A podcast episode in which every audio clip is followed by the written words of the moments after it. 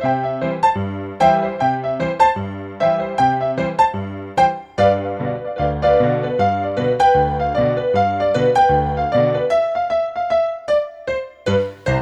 zdrav, moje ime je Dejan, to je Kako me je? Bor. Bor in danes imamo izjemno, izjemno zanimivega gosta. Enega najzanimivejših Mariborčanov, s katerim se lahko človek zaplete v pogovor, gospoda doktorja, nekoga, ki jaz vedno pravim, ko se z njim pogovarjaš, je vsaj tako dobro, kot da gledaš eno res dobro oddajo na Discoveryju. Človek, ki ve vse o vesolju, dobro, morda vse ne, zato pa veliko, veliko, govorimo o kozmoloških razsežnostih, več od povprečnega posameznika. No, no, čakaj malo, nismo brez zaslug, ne, ker moraš vedeti nekaj, da je spremljal njegovo kariero že dolgo časa. In začelo se je nekako v času, ko sem jaz prvo igrico prodal. To si jaz mislim. Doktor Igor Žiber, na dober dan. Zdravo, zdravo. To je pa res, ja. No, ja, ja, ja. To bo mi dalo potem ta zagon za znanstveno Ja, delo. ja, Ne? Za Commodore 64, ne? Ja, in takrat so še bile 5-25 diskete, ne? tiste um, gibke. Ne? Lahki zaslužek, pirat, samo to ni, to ni, to, to ni tema danes. Ne? Ja, no, to je- Ne, začeli bi z eno vprašanjem, vam jaz, doktor. To se jaz vse Nima samo enega vprašanja, ampak Ja, ne, ampak to, to hočem že tako dolgo vprašati. Ja, Zdaj, ja, ja. Bral sem nekoč uh, en, en uh, intervju z Nilom Armstrongom, tem, ki je prvič hodil po Luni, in je rekel, takrat, da so oni videli, da imajo gor. Neki vesolci, neki mm -hmm. ufoti, oporišča, da so bile vesoljske ladje, da je tudi ena njegova izjava, wow, res je velika. Mm -hmm. Pa zdaj, Ja, zdaj težko komentiram, prvič zato, ker nisem bil z njim, ne? drugič pa predvsem zato, ker bom rekel nekih takih uh, uh, dokumentov, ki bi govorili o tem, uh, ki bi bili verificirani, pravzaprav sam nisem zasledil. Ne? Tako da res, uh, kar se tega tiče, uh, me pravzaprav vsa ta razmišljanja o neznanih letečih predmetih, ki bi jih naj videli na Zemlji, nekako niso prepričala. Ne? Če pa eh, se pogovarjamo o tem, koliko planetov danes poznamo, in jaz upam, da bo danes šla beseda tudi o tem, A, definitivno. eh, koliko planetov pravzaprav poznamo, ki ležijo v tej coni naseljivosti, se pravi tam, kjer so recimo podobni pogoji za razvoj življenja kot na našem planetu, eh, in da se zdaj pogovarjamo samo o naši galaksiji, galaksij pa je ogromno. Ne, ja. Potem, eh, čeprav dokaza nimam, ne, sem osebno, ampak to je samo moje skromno mnenje, tudi pripričan, da nekje v vesolju še obstaja podobna oblika življenja kot je na tudi Zemlji. moje, vidiš, da Vprašanje, ista, ja, ja, ja, zdaj. vprašanje pa je, ne, vprašanje pa seveda je, ne, na kakšni razvojni stopnji je. Ne, Eh, po drugi strani pa mogoče še bi omenil tudi to, ne, da smo mogoče malo obremenjeni torej, za tako obliko življenja, kot jo poznamo mi, ne, torej, ki temelji na oglikovodikih. Ne, eh, tu eh, recimo ne, eni omenjajo, da bi se lahko življenje razvilo tudi na osnovi recimo silikata oziroma silicija. Ne, in vprašanje je, kako, kak, kak- kakšna je morfologija oziroma fiziologija, rekel, takih biti. Ne, čisto hipotetično. Zdaj, če si To- drznemo, ne, že malo posegati na ja, ja. področje znanstvene fantastike. Ne?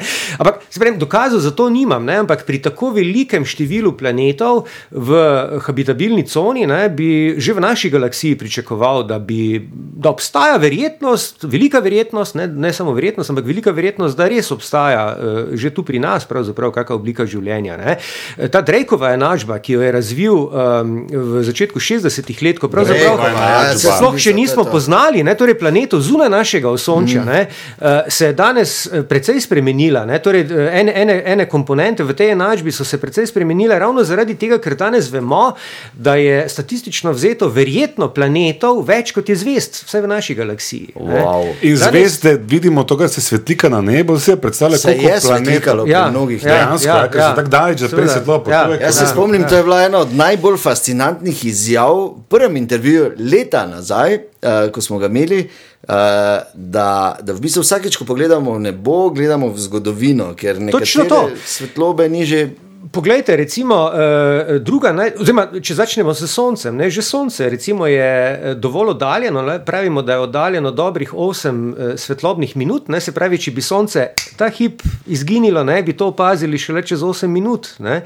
Oziroma, če zdaj smem malo na romantiko iti, ker smo v bolj sproščenem vzdušju. Ne, ko Sonce oh. zahaja, ne, ja. ko sta recimo fanti in to svojim študentom, študentom govorim, ne, ali pa dobro tudi študentkam, če so z, z nekom, ki ni geograf. Ne, pa opazujejo recimo romantično sončni zaid. Ne, in takrat, ko sonce zaide, ne, in pravim, ne smete izdati svojemu partnerju, da je v resnici zašlo že pred dobrimi osmimi minutami, ne, ker je tako oddaljeno. Ampak tu smo zdaj dejansko na našem dvorišču. Ne.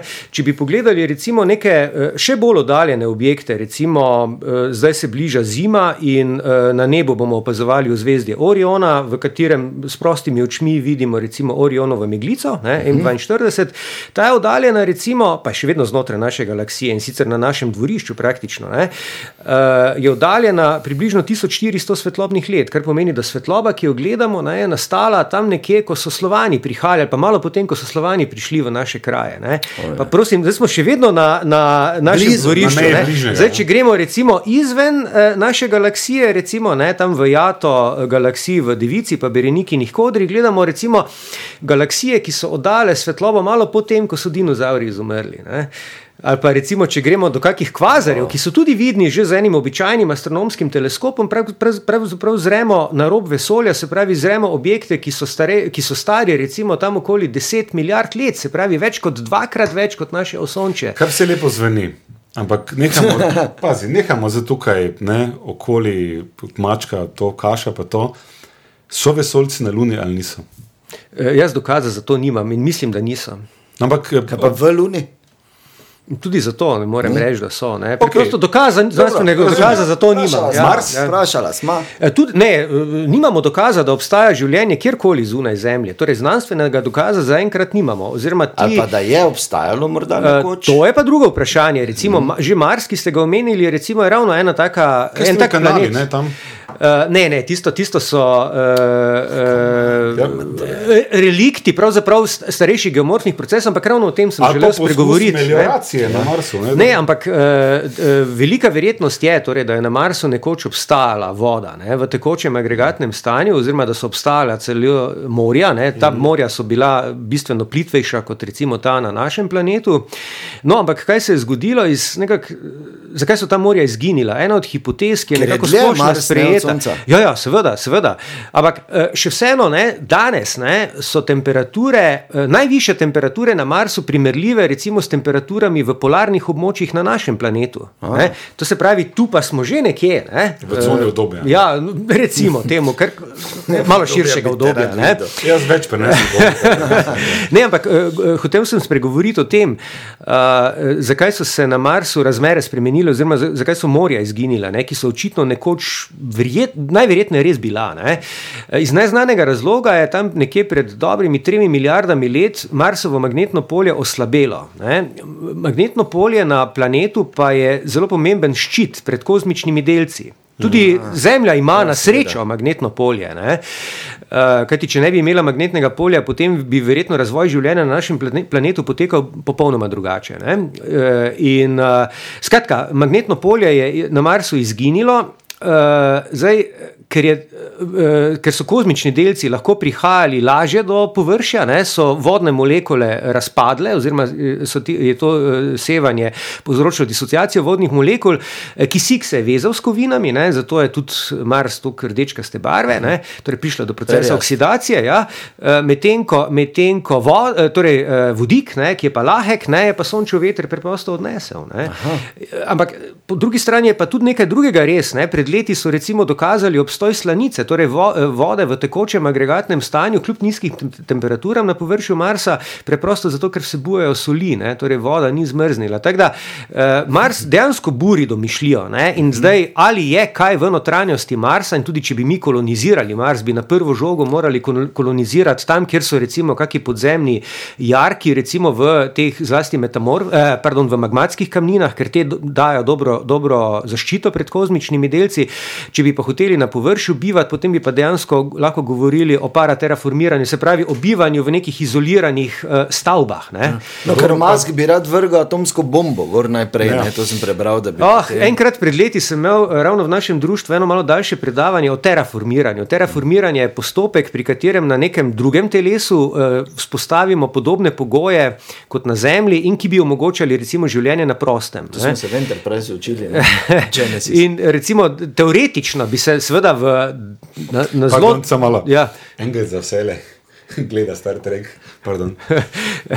No, eh, eh, teoretično bi se dalo recimo, ne, in Venero in Mars recimo, prilagoditi tako, da bi bilo življenje znosno. Recimo na Veneri, ne, na Veneri je eh, pritisk Hudič, na, povr na površju je 90 atmosfer, pa 450 do 470 stopinj Celzija. Ampak na 50 metrov višine v Venerini atmosferi pa tlak, sta pa tlak in pa temperatura primerljiva z tistim na zemeljskem površju. Ne. Če, Se pravi, če, če odmislimo, da je ozračje verjetno najhujša oblika pekla, ki si jo lahko zamislimo. No, Venera, Venera je, Žveplo Venerina pa. atmosfera, no, ravno to sem hotel povedati. Na Veneri, recimo, oblaki eh, nastajajo zaradi kemičnih procesov in tam dežuje že plena kislina. ne. Ja.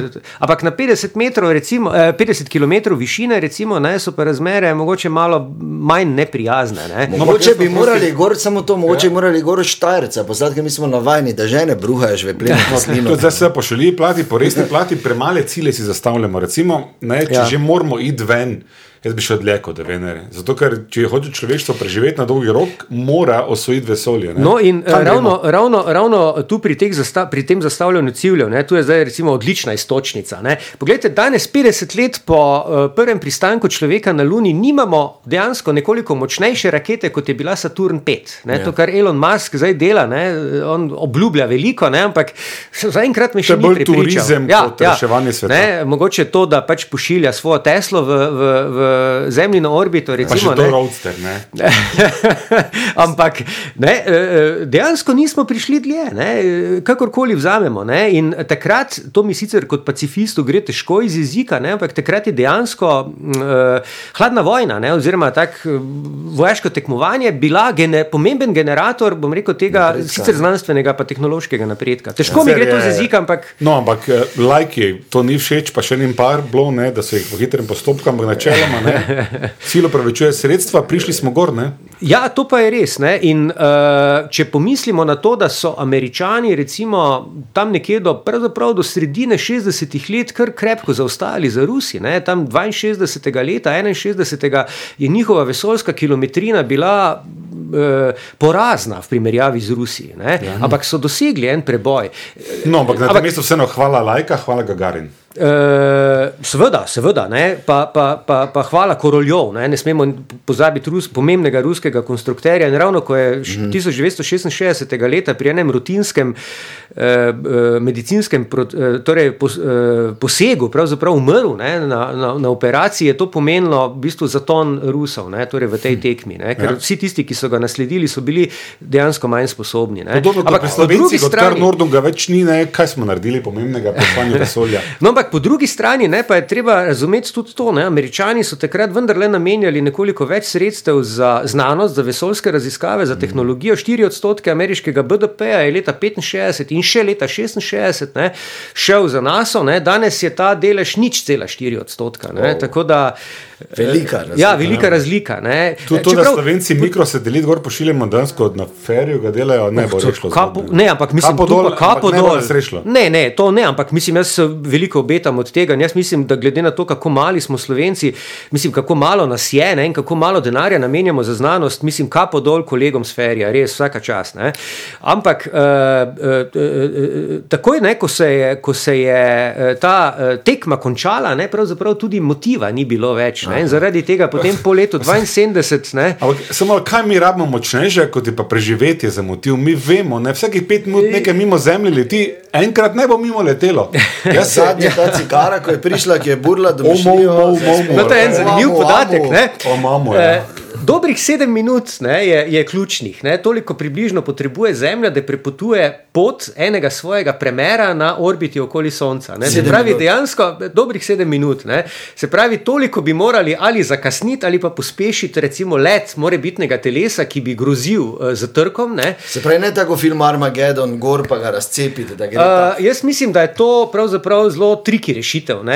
uh, ti kosi, recimo, tudi če bi uspeli recimo, razstreliti, bom rekel, ta kos tako veliko telo, ne, pa zaenkrat nimamo enega dobrega orodja. Ne. Tudi če bi uspeli razstreliti tako veliko telo, bi težišče še vedno letelo naprej, tako da namesto ene skale bi priletelo več malih, kar pomeni, Aha, da bi se okej. območje, kamor bi vse to padalo na zemljo, razpršilo. In utegnilo bi se skudi, zgoditi, če ti delci vseeno ne bi bili tako mali, ne, torej da bi še vedno bile to sorazmerno velike skale, da bi pravzaprav naredili več škode kot koristi. Gravitacija. Ja. Gravitacija. Ja, jaz mislim, da je to lahko um, breme ali pa, ali pa, bla, ali pa žegn. ne. Eh, brez gravitacije, primerne gravitacije, bi se kaj hitro lahko utegnilo, da bi izgubili atmosfero. Ne. Recimo, mm. Ena od uh, pomembnih, uh, eden pomembnih pogojev za to, da planet ima atmosfero ne, in da se potem lahko razvije taka oblika življenja, kot je na našem planetu, je ravno dovolj velika gravitacija. Recimo, Luna ne, je, ima tukaj že en malus, ne, torej ubežna hitrost plinov je dovolj velika, ne, da eh, preprosto njena gravitacija ne more zadržati zdrži, teh ne. plinov. Ja, tako da, re- ali pa recimo Merkur. Ne, Merkur ima podobne težave. Dobro, tam je eh, ta problem z atmosfero tudi nekje drugje. Ne, tako da na Zemlji je pa ta gravitacija kar Solidna. uh, soli, ja, ravno Vsem primerna. dolžnim ne. spoštovanjem lahko je govoriti o gravitaciji, dobro, tebi Pa že več ne, recimo vam, ne, ko imamo neko idealno postavo, ali ja. pa Ja. nam, ko imamo malo. Ne, Ne malo plin. Ja, ampak za to čisto se moramo pa, da, to, moramo pa sami poskrbeti. Ja, ne, da bo, Torej, da razrešimo to debato ubega, ne, torej, kam pa mi merimo, sploh, da bi. Ne, gremo mi kam lahko, kam, če bi zdaj mogli iti, ne vemo, Ja, kam gremo, ja. ja. da bomo preživeli. Zdaj, če se pogovarjamo o tem, recimo, kje bi bila taka območja, kjer bi lahko recimo, naseljevali našo vrsto, ne, potem je seveda najbližje Luna. In zanimivo na Luni ne, eh, so. Če pa plini uhajajo, smo ravno kar Ne, ne, ne, ne, ne, tu seveda zdaj ne govorimo o tem, da bi Pa lahko živeli na vesoljci ali prostem, ne? na prostem V- v nikakor ne, ampak eh, na, v izoliranih stavbah. Ne, ampak zanimivo je, da so se izkazala polarna območja na Luni kot recimo primerna za terraformiranje oziroma za parateraformiranje. Ne. Zakaj? Eh, V, eh, na dnu kraterjev eh, na, v polarnih območjih je sorazmerno veliko vode. No, Ravno veliko je ni. Ne. Eh, z- Leta 2009 so izstrelili eno sondo v, na dnu kraterja Kabels na južnem polu Luninem ne, in eh, potem eh, naredili spektralno analizo izvrženega materijala ne, in ugotovili, da je na površini, ki je veliko eno nogometno igrišče, približno toliko vode kot v tem kozarcu. Torej, za piti, ja, za tuširati. Ja. No, ampak vendarle, ne, torej voda je en pomemben gradnik, ne, recimo že za polete naprej. Ne. Skratka, polarna območja so tista, kjer eh, recimo so pravzaprav uh, dost dobro osvetljena, kljub temu, da je vpadnik od sončevih žarkov mali, ne, ampak ne pozabi, tam ni atmosfere, tako da je mehanizem uh, rekel, te energijske bilance malo drugačen. Ne. Skratka, polarna območja na Luni so recimo prvi tak Ja, kandidat. zelo- Ni neko življenje, ne? recimo, kje bi bilo življenje podobno temu, kot ga imamo mi tukaj. Aha, če se pa o tem pogovarjamo, ja, tu Tam pa te- je. če se že selimo, saj ne greš v slabšo No, bajto, potem ne? pa moramo narediti skok vsaj 40 svetlobnih let v stran. ne. Dobro. Eh, namreč v ozvezdju Trapist ne, eh, so leta 2000, v začetku leta 2017 ja, odkrili celo serijo planetov ne, in trije od teh planetov, mislim, da je v tem ozvezdju, s- eh, v tem osončju sedem planetov, eh, so trije tisti taki, ki so v habitabilni coni oziroma v coni naseljivosti. Se pravi, dovolj stran od te zvezde, ne, da so temperature, ki so primerljive z zemljinimi. Govorimo o Eh, 40 ta- svetloobnih letih, to Ja, pomeni, ja, ja. da z aktualno tehnologijo mi tja pridemo v. Ja, to bi 40 moral zračunati. Ja, če bi potovali z svetlobno hitrostjo v 40 letih, ampak seveda ja. mi tega danes do Lune smo potovali nekaj dni, ne. mi, eh, to, bi, to, bi, to bi generacije bile potrebne, ne, ja. da bi prišli do tja. Ampak sprašujete me, recimo, kje so kakšna taka telesa, kjer vladajo podobni pogoji kot na Zemlji. Ne. No in ravno ta planet Trapist 1E je tak, ne, torej, eh, ima primerljivo maso, ima primerljivo velikost, res pa je, da se okoli svoje matične zvezde, ta zvezda je mimo grede bistveno šipkejša od našega Sonca, giblje dosti bliže ne, in eno leto na tem planetu traja približno dobrih šest zemljinih dni. Aha, Ne? hitro, šest dni. Ja. Ne, Pa gravitacija. Ne, se pravi, masa je primerljiva. Aha, ne. Eh, samo zanim- leto je krajše. zanimi- Ja, leto je krajše, ne, ampak to je malenkost. Ne. Vse ne na zadnje, če bi pogledali. Če se vrnemo malo nazaj, točno to. Ne, če se vrnemo malo nazaj na Zemljo, ne, torej, eh, znano je, da je dan na Zemlji na začetku razvoja našega osončja tudi trajal tam okoli 6 ur. Ne, se pravi, 3 ure svetli del dneva, 3 ure eh, noč. Ne. Ampak V, v praksi, ne, pardon, v praksi to pomeni, da se v šestih dneh obrnejo štiriletni časi. kaj? Uh, Če so ja, letni časi. ja, če, če, če letni časi Jaz obstajajo. tu ne vidim ne. problema, za, če pa obstaja. Ne, ne, ne, ne, Na seveda ga ni, Dva, ne. smučanju, Seveda ga ni, Dva dni ne. krompir spravljaš, pa Pa rešeno, ne. Ne, pšenico. seš. ampak eh, nekaj pa še je, ne? torej ne poznamo še dovolj natančno, eh, kakšna je zgradba te atmosfere. Ne? Mm. Temperature domnevamo, da so primerljive z temi na Zemlji, ne? ali pa tu nekje, ne? torej, uh, ugodnejše kot recimo na Marsu, ne? ko smo se prej o Marsu pogovarjali. Ne? No in zdaj eh, lahko si obetamo več vedenja o tem planetu, pa se seveda še o drugih planetih, recimo. Eh, Takrat, ko bo eh, ESA napoveduje ravno konec letošnjega leta, ne, torej izstrelitev še enega takega vesoljskega satelita, Keops se imenuje. Ne, eh, in, eh, Ker ni po piramidi, ampak po nekem. Ne, ne, ne, to je akronim, to je akronim, ne, seveda. No, in uh, ta uh, vesoljski teleskop bo imel objektiv, ki ne bo večji od 30 cm. Ne, se pravi, to bo primerljiv z enim amaterskim teleskopom, ki ga imamo mi. Jaz imam doma dva taka teleskopa, recimo, ne, s tem, da Jaz bo, nobenega, uh, na s tem, da bo, s tem, Jaz da bo le predsednik društva. Okay, Orion, okay. S tem, da bo krožil tam na višini, torej v orbiti, ki bo 700 km ne, torej nad zemeljskim površjem, tako da si mogoče že v naslednjem letu lahko obetamo kaj več. Leta 2021 NASA napoveduje, in jaz upam, da se bo to končno uresničilo, torej izstrelitev tega uh, uh, vesoljskega teleskopa James Webb. Uh, tu smo zdaj že, ta vesoljski teleskop bi moral že zdavnaj biti v zemljini orbiti in ta, tu Samo samo, prelagajo. vojne, ni hladne ja, vojne, ne. ni hladne vojne, ne, ampak proračun se je za nekajkrat že dvignil. Ne, tako da to je, tu, tu si NASA, mislim, da ni naredila nekega slovesa, ne, torej, kar se tega teleskopa tiče. No, ampak ko, ko bo ta teleskop eh, deloval, če bo deloval, ne, torej, če ne bo kakih težav pri eh, delovanju, ne, si lahko tudi od njega obetamo bistveno boljše informacije kot zdaj od Hubblovega teleskopa. Tako da jaz mislim, da se bo zaradi tehnologije ne, vedenje uh, o uh, naravi teh planetov, značilnosti teh planetov močno povečalo. Ne. Zdaj je ena od težav ravno to, da ne znamo čist dobro povedati, kakšne so atmosfere. Torej, ali so atmosfere in kakšna, kakšna je zgradba teh atmosfer uh, na teh planetih. Ne. Spektralna analiza nam tu še dela malo težave. Ne. Preprosto tehnologija je še osko grlo. Ne. V vsakem primeru, um, mislim, da en Nobelovec je- bi rekel, da ni realno, da bi mi iskali dom kje druge, pa ga tudi našli. S tem se pa takega. globoko strinjam. Jaz mislim, da moramo najprej težave na našem planetu rešiti. Ne? Torej, uh, po eni strani, po drugi strani pa, če bi razmišljali recimo o vzpostavljanju takih pogojev, kot so na Zemlji, torej, da bi recimo vzpostavili pogoje, da bi ljudje lahko živeli na prostem, eh, to ne moreš narediti v času nekaj generacij. To so geološke dobe pravzaprav potrebne, ampak vsaka dolga pot se začne s prvim korakom, pravijo. Ne? Ampak kakorkoli že, jaz mislim, da moramo najprej probleme tukaj rešiti eh, na Zemlji. Ne? In Če, če jih ne bomo uspeli tukaj rešiti, nam tudi nobeno še tako odlično vesoljsko telo ne bo pomagalo. Ja, ker bomo tam In, isto. in, in, ja, in ravno v tem je keč, ne? jaz mislim, da moramo vre- vrednote spremeniti, ne? če se že o tem pogovarjamo. Torej, naše ravnanje do okolja bistveno spremeniti. Ko smo že pri Nobelovcih, To je bil tudi samo Dobra, slaba to je bil glavni problem dinozaurov, torej ne, vrednote bi morali spremeniti. sami niso vedeli. Ja, takrat da mogoče še etike niso poznali, ne? ampak recimo. Ja, ne. pardon, Boris je rekel. Uh, Nobelovci letos vredno slabo, smo zadovoljni. Jo, zelo, zelo. Jaz mislim, da so letošnji, da, da, v enem delu, um, da smo v enem delu, oziroma so v enem delu tisti, ki so podeljevali Nobelove nagrade, eh, popravili eno krivico, ki se je zgodila mnogo nazaj. Namreč eh, letos so si Nobelove nagrade iz fizike delili, sta si delila dve skupini, oziroma trije posamezniki. Najprej James Peebles, ki je dobil Nobelovo nagrado za svoje dognanja z področja eh, eh, fizikalne kozmologije. Uh, druga dva uh, sta pa švicarska astronoma, ki pa sta uh, leta 1995 leta prva odkrila planet zunaj našega osončja, torej planet, Aha. ki se giblje okoli ene običajne zvezde. Ne. No, in ravno ta James Peebles, pravi ta prva polovica Nobelove nagrade, jaz mislim, da so tu eno veliko krivico popravili.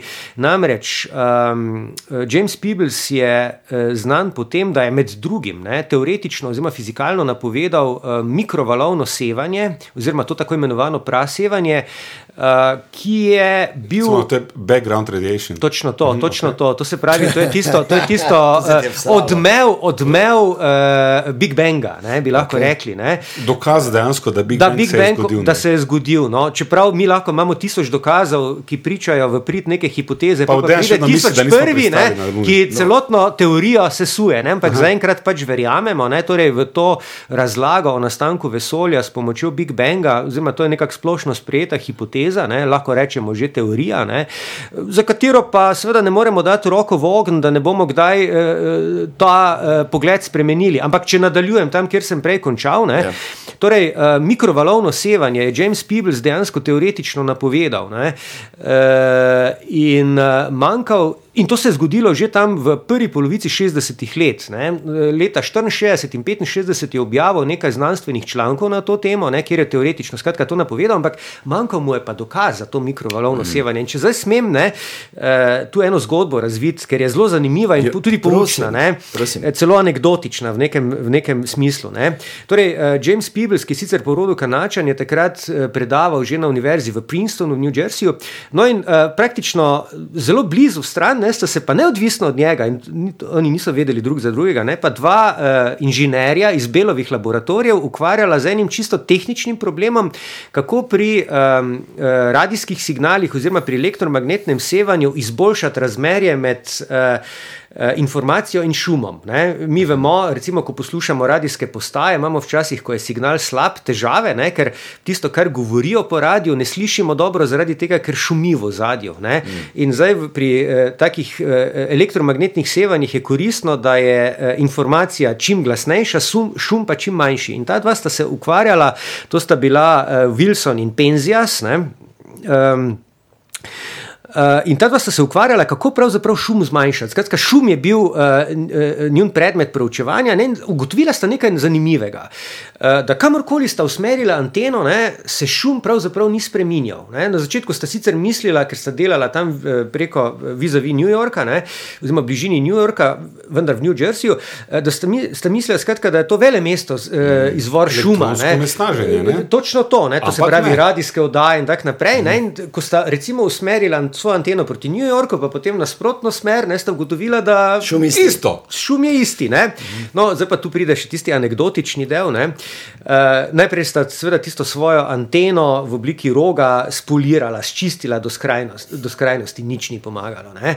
Eh, Potem, se je, potem sta posumila celo na dva goloba, torej goloba in golobico, ki sta se nasi, naselila v tej anteni ne, in eh, tam puščala, kot sta se ona dva eh, inženirsko izrazila, beli dielektrik, skratka svoje kakce sta tam eh, spuščala. Ne, in tisto sta seveda skušala odstraniti, nič ni pomagalo. Potem sta ta goloba dala celo enemu sodelavcu, da jo je preselil 50 km stran, ampak goloba sta se vrnila. Ne. Zdaj ne vem, če to smem javno povedati. Ne? Na koncu je eden od teh dveh inženirjev uporabil puško, da je rešil problem. No, v smislu takoj predlagam. Šum streljuje v zrak. Ja, slučajno sta ne, križala pot šibra. Ja, ampak šum je še ostal. Ne? In skratka, bil je izotropen, kot pravimo v kozmologiji, ne? torej prihajal je z enako jakostjo iz vseh smeri. Ne? In to, eh, to eh, svojo novico sta objavila torej kot znanstveni članek, oziroma kot strokovni članek v eni reviji. In čisto slučajno je nekdo, ki je poznal Peeblesa, hkrati je pa prebral ta članek, našel povezavo. Ne? Skratka, Peeblesu je manjkala neka empirična, empirični dokaz, da obstaja eh, torej to Sevanje prasevanje. ne. Ona dva sta se pa s tem ukvarjala, ne, torej s tem Kaj šumom, izničiti? ne da bi vedela, da je to dejansko Prasevanje. Prav prasevanje. Wow. Wow. Prasevanje mi dejansko lahko tudi sami detektiramo, recimo, če imamo tiste stare analogne radijske sprejemnike, pa iščemo, recimo, poiščemo neko območje med radijskimi postajami, kjer slišimo ta šum, ne, torej to prasketanje. Ali pa na televizorju, recimo tam nekje med kanali, ko se pokaže tako imenovani sneg. ne. Večji del tega snega je dejansko, uh, oziroma izvor za, za, za, za ta tako imenovani sneg je ravno to pr prasevanje, ki izvira, Je ki prihaja od, od, od vse povsod, ampak do tega še pridemo. Ne? Kaj pa temperatura vesolja, ki ni čista, ni še Tam okoli 3 stopinje, Ja, odkot ne. ne, iz tega. Ja, vesolje se je ohladilo, vse do tega še pridemo. Uh, Pardon, prehitevam, Ja, preveč pa- vem.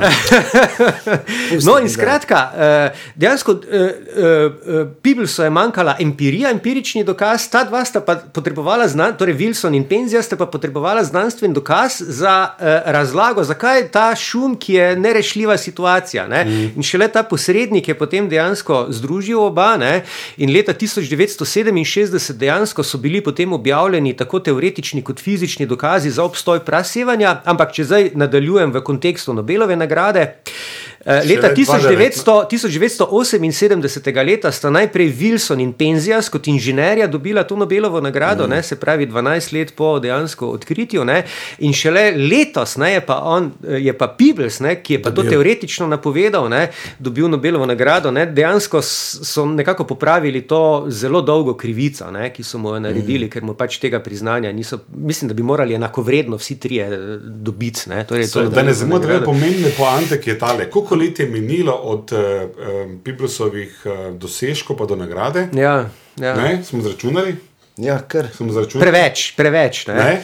Medtem ko se Pol že. stoletja, ne. Ja, po pa Barack Obama dobi v istem letu. Samo on je dobil za mir. Ja, vem, on je ja. res bil zaslužen, ja, ker je bil izvoljen. To, da se zdaj zmenimo, kje nagrade cenimo, kje pa ne. ne? Ja, no. Sej, uh, pri Nobelovih nagradah smo še marsikomu drugemu naredili, verjetno, ali pa so naredili krivico, ne, torej, Boro, ker mu recimo. niso podelili. Ne. Tukaj res prenašam na dnevni bazi. No, ampak če tu zgodbo nadaljujem, ne, ko ste prej vprašali, uh, recimo, temperatura vesolja, oziroma kako pravzaprav, kaj, kateri so bili pogoji, da se je to presevanje dejansko začelo širiti. Na začetku vesolja je bila seveda temperatura zelo visoka, torej previsoka, da bi se lahko jedra atomov združili z elektroni. In šele nekje. 370 tisoč let po nastanku, torej eh, po velikem poku, ne, torej se je vesolje toliko ohladilo, da so se jedra z elektroni lahko združili v atome. In takrat pravzaprav pravimo, da je vesolje postalo. Eh, lahko bi rekli, tako malce poenostavljeno povedano, el, el, električno neutralno, in šele takrat so se lahko informacije širile skozi prostor. Tako da dejansko prve informacije o tem elektromagnetnem sevanju obstajajo šele od takrat. In ko so recimo eh, ti eh, vesoljski teleskopi, ki so snemali ravno to prasevanje, ne, eden od zadnjih takih je Plankov vesoljski teleskop, ne, dejansko, ko zremo v preteklost, ne moremo eh, dobiti informacije, ki bi bila starejša od tistega časa, torej 370 tisoč let po uh, velikem poku. Ne. Kar je koliko nazaj zdaj? Ja, to je, To je eh, zadeva, več, kot, več kot 13 Je milijard 14 let. Ne, ja. To je zadeva, pa še nekaj. Tri- malega. 13,3 milijarde let, recimo nekaj takega. Kar res ne, pripelje se do ultimativnega vprašanja, kaj je bilo pa pred velikim pokom. Uh, vprašanje je ja, iz nič pol ja, to. Uh, nekaj.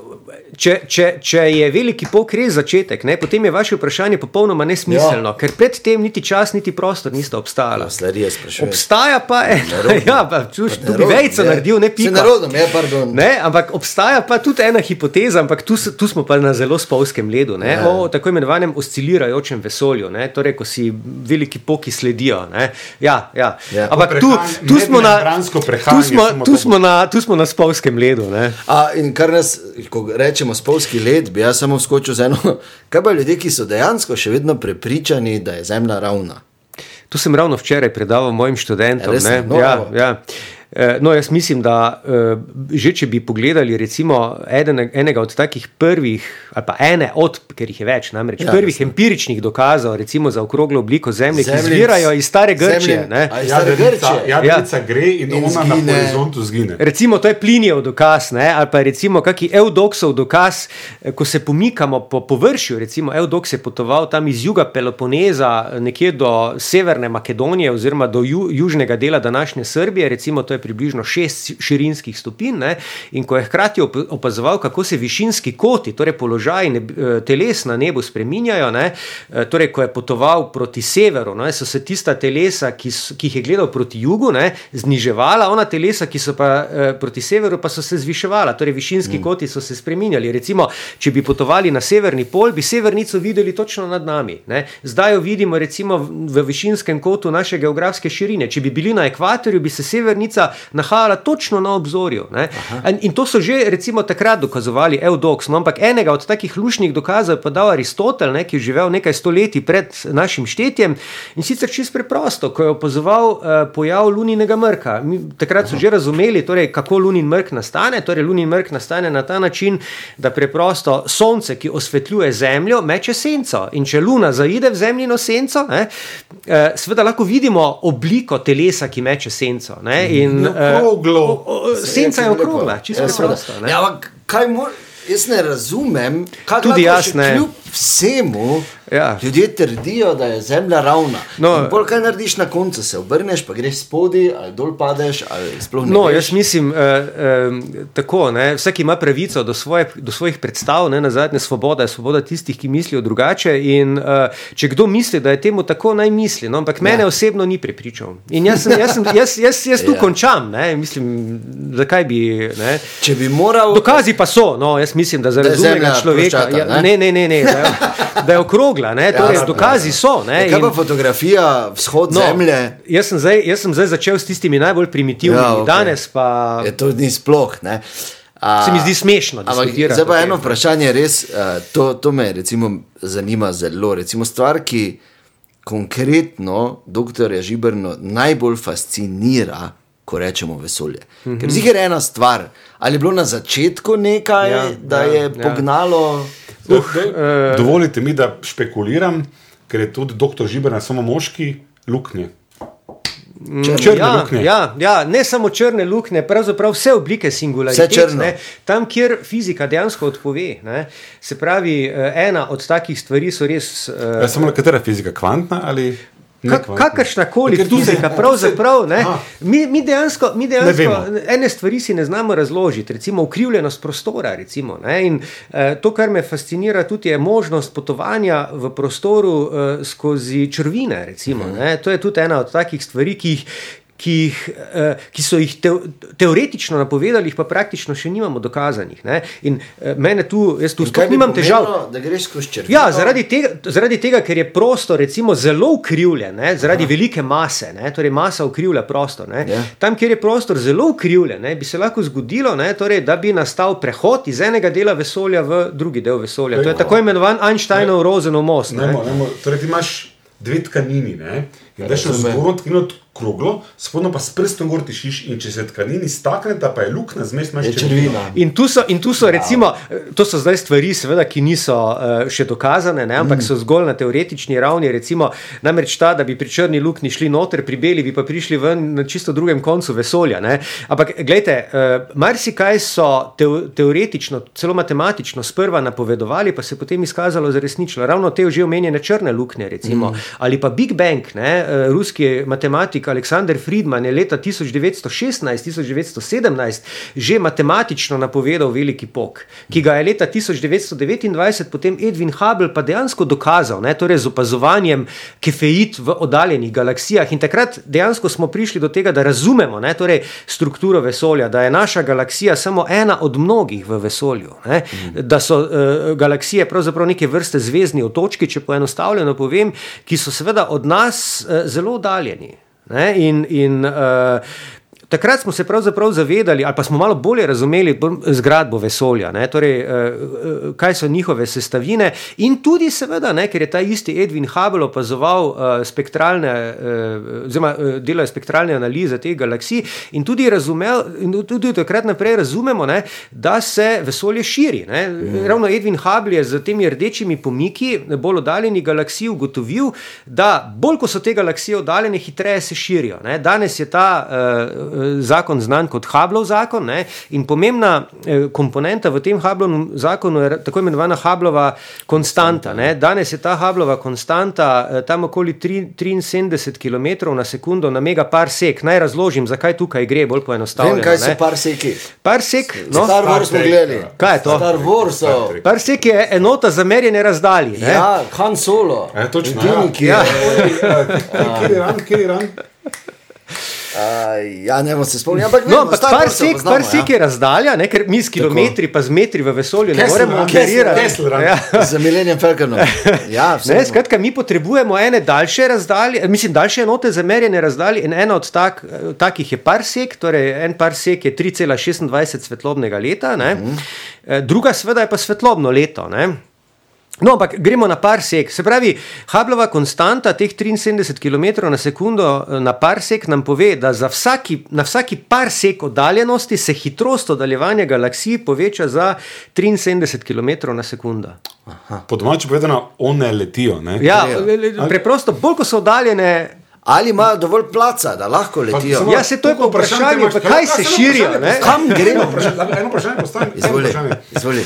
Doktor Žiberna, zakaj se masa v vesolju sploh združuje v galaksije? Ker vemo, da je med galaksijami ogromno praznega prostora, pa, pa kot neki vzorci so. Ne? Gravitacija, to je čisto preprosto. Gravitacija, v ker se pojavljajo, ja, ja, eh, ker se pojavljajo, ker se pojavljajo eh, gravitacijski skupki oziroma območja, kjer je masa nekoliko večja, takoj potem delu, začne delovati gravitacija. Gravitacija je samo ena od štirih sil, ki so se potem pojavile eh, na začetku vesolja. Na začetku je bila samo ena sila, pa so pa nastale šipka, pa močna jedrska sila, gravitacija, elektromagnetno sevanje in gravitacija je samo ena od sil. Ne?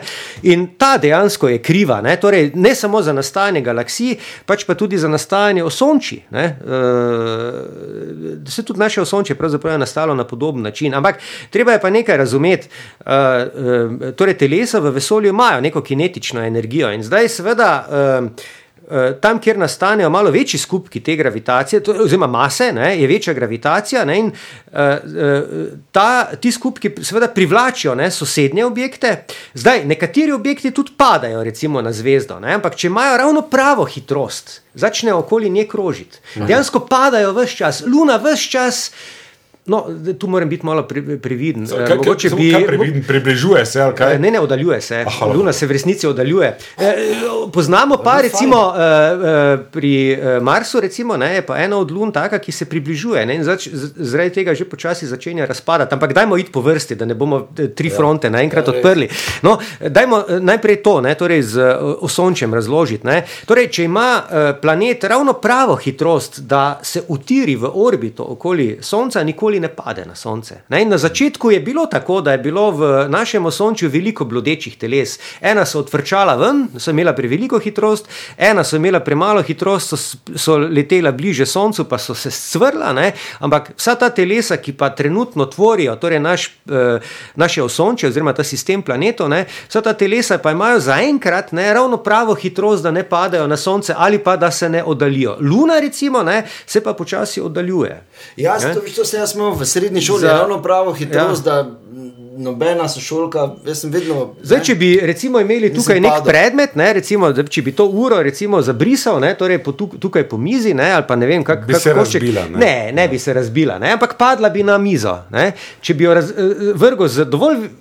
Torej, z malo večjo hitrostjo bi ta ura priletela na, do konca mize. Če bi jo s še večjo hitrostjo, bi priletela tam nekje pri univerzitetni knjižnici dol. Ne. Mhm. Če bi jo pa z dovolj veliko hitrostjo uh, uh, torej izstrelil, iz vesolja, ne, ne. Bi pa seveda uh, še vedno letela, ne, ampak nikoli ne bi padla na Ha, zemljo. in bi kar ostala. In ravno to je, tisto, to, je pa, to je pa problem pri kozmičnih letih. Se pravi, mi recimo satelite, ki, za katere želimo, da se utirijo v Zemljino orbito, ne smemo izstreliti s preveliko hitrostjo.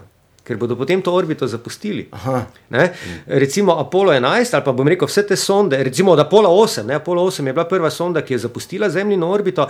Oni so jo najprej izstrelili s tako hitrostjo, da se je sonda utirila v Zemljino orbito, in šele potem so z energijo, ki je bila, ki je bila v tretji stopni, torej z gorivom v tretji stopni, ne, eh, hitrost povečali eh, do te mere, da so eh, dosegli to hitrost, eh, ki je omogočala zapuščanje Zemljine orbite. Torej, ne, potem na drugi strani je pa lun, Luna eh, dosegla, eh, opravila svoje, ne, z svojo gravitacijo. Ampak tudi tam je bila nevarnost. Ne. Tam so morali z temi potisnimi motorji nekoliko zmanjšati hitrost, kajti nevarnost bi bila, recimo, da bi, če bi hitrost bila prevelika, da bi preprosto, recimo Apollo 8 ali pa dobro Apollo 11, recimo je bil letos aktualen, da bi preprosto odletel mimo Lune v vesolje. Srečno, in, ja, nasvidenje, ne.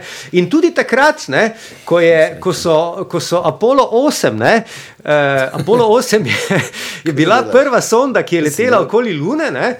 In ko so zapuščali Lunino orbito, ne? James Je žal, si ga vprašal za vesolce, zdaj ti je žal, da si ga vprašal Ne, ne, James Lovell, vprašal. James Lovell je takrat eno, eh, tako, eh, ravno tam okoli Božiča, leta 1968 je bilo, ne, eh, ko je James Lovell ne, rekel, da ja, obstaja Božiček. Namreč eh, takrat so se morali izstreliti z lunine orbite in eh, to je bilo prvič v zgodovini naše civilizacije, da so nekaj takega počeli. Ne, in uh, niso nikoli vedeli, ali bodo dobili pravo hitrost ali bo hitrost premala, ker če bi bila hitrost premala, bi ostali v lunini orbiti. Obstaja ne. teorija, da je to rekel zato, ker so videli vesoljske, torej od UFO-tov postaje na No, tem strani. v spominih, No, v svojih spodbuja. spominih uh, ni tega zapisal. Ni. Ne. Preprosto Pravim, rekel je, teorije. ko je ugotovil, ne, torej, da zapuščajo lunino Ja. orbito, je rekel, ja, božiček obstaja. A, še mogoče čas za eno vprašanje, in to me samo zanima, res zdaj. Če bi dobil priložnost, da greš gor, takoj, sem ti rekel. takoj. Upam, Ta da hip, ne, ker s kom bi se mi pol menili. Kjer je bil je kitaro gor igral, pa imel uh, A Twitter. ja, ta kanačan, ne, ta kanadski z, Haš, z, ja, z, z Brki, ta astronaut, ko je Space Oddity gor igral. Ne? Ja, to bi jaz lahko. Ja. Takoj In potem, če smo se kaj naučili, če bi bil na mednarodni vesoljski postaji, bi potoval z ravno pravo hitrostjo, da bi vse čas padal okoli Zemlje. No, tu pri vesoljski post- mednarodni vesoljski postaji moram pa Slabo še eno naučil. povedati. ne. Eh, Dejansko ta orbita rekel. mednarodne vesoljske postaje je sicer uh, tam več kot 300 km visoko, ampak še vedno dovolj visoko, da je. Nekaj, kar sicer težko imenujemo atmosfera, ampak kar predstavlja upor. In zaradi tega dejansko tudi mednarodna vesoljska postaja tako po, se počasi približuje Zemlji in, jo, in morajo njeno orbito popravljati. časa. Ja, ne, ker drugače bi deorbitirala, bi padla na Zemlji. Če teh popravkov ne bi delalo, Ja. bi Skylab, recimo iz, eh, tam konec 70-ih let je bil tak primer, ne, Mhm. ko so ga preprosto deorbiti, deorbitirali, kot temu pravimo. Ne, eh, pustili so ga, da pade, ne, sicer so prvotni namen je bil, da bi padel naj, eh, tam na območje Tihega oceana, ampak je padel tam na jugo-zahod Avstralije. Mislim, Mhm. celo ena tožba je potem NASA dobila zaradi tist, tega, ker je lastnik tistega zemljišča, kjer so en velik kos Skylaba padel na tla, ne, je tožil nas, ampak nikoli ni dobil te tožbe. Ampak eh, to je dobro vprašanje. Ne, dejansko pri. pri eh, Takih satelitih, eh, kot je recimo Mednarodna vesoljska postaja, moramo vse čas nekoliko popravljati orbito. Ne? Ker je dovolj. Koliko časa je ta mednarodna vesoljska postaja samo skrbna? Uf, to pa zdaj ne vem, to pa zdaj ne bi znal iz glave povedati. Moja bojazen je ta, ne? No, da si. Luna je slaba ideja. Mars je slaba ideja, Venera je slaba ideja. Oni, to ti vsi so predaleč. Če je dol iz poka, ker vemo, kdo je trenutno pri gumbih za Ja. jedrsko orožje, ne? potem jaz mislim, ok. Na vesoljski mednarodni postaji smo nekaj časa lahko, dok radiacija ne, Ja. ja. ne gre. Ne. Ja. Koliko časa smo samo skrbni? To ne bi Ne. tako časa, težko. ampak ne, prav manj- dolgo ne. manj kot sto let, dolgo ne. ne. Eh, se to govorimo o mesecih. Zdaj, verjetno. tu, če bi, če bi ne, potem bi verjetno lažje našli uh, kakšna taka primerna bivališča, kje v globinah, recimo tam, kjer so kakšne magmatske kamnine ali pa kakšni rudniki. So A, pred- pred- Ampak, če se pa slučajno zgodi, da doktor Žiber nam pokliče in reče, dragi moji prijatelji, Boste so, prvi, s katerimi bom naredil intervju. Ja, ne to smislu, da bi, da bi rekel, da je uh, sonce je razneslo, vemo, Osem imamo minut osem časa. minut, naredi kaj še imaš, ker bolj bo konec. Doktor Žiber, nam najlepša hvala. Hvala Hvala za povabilo. Super, Ja. se še vidimo. Teh 45 minut uh, čistega um, izobraževanja o znanosti um, je bilo samo za tebe. Če bi rad imel kjer drugo področje, samo povej. Kakega drugega gosta Subscribe se, da boš vedel. Ne? To je ono, stisneš. Ali kak si subscribe? 8 minut, bor. 8 minut dan. Zapomni si 8 minut. Ni dosti.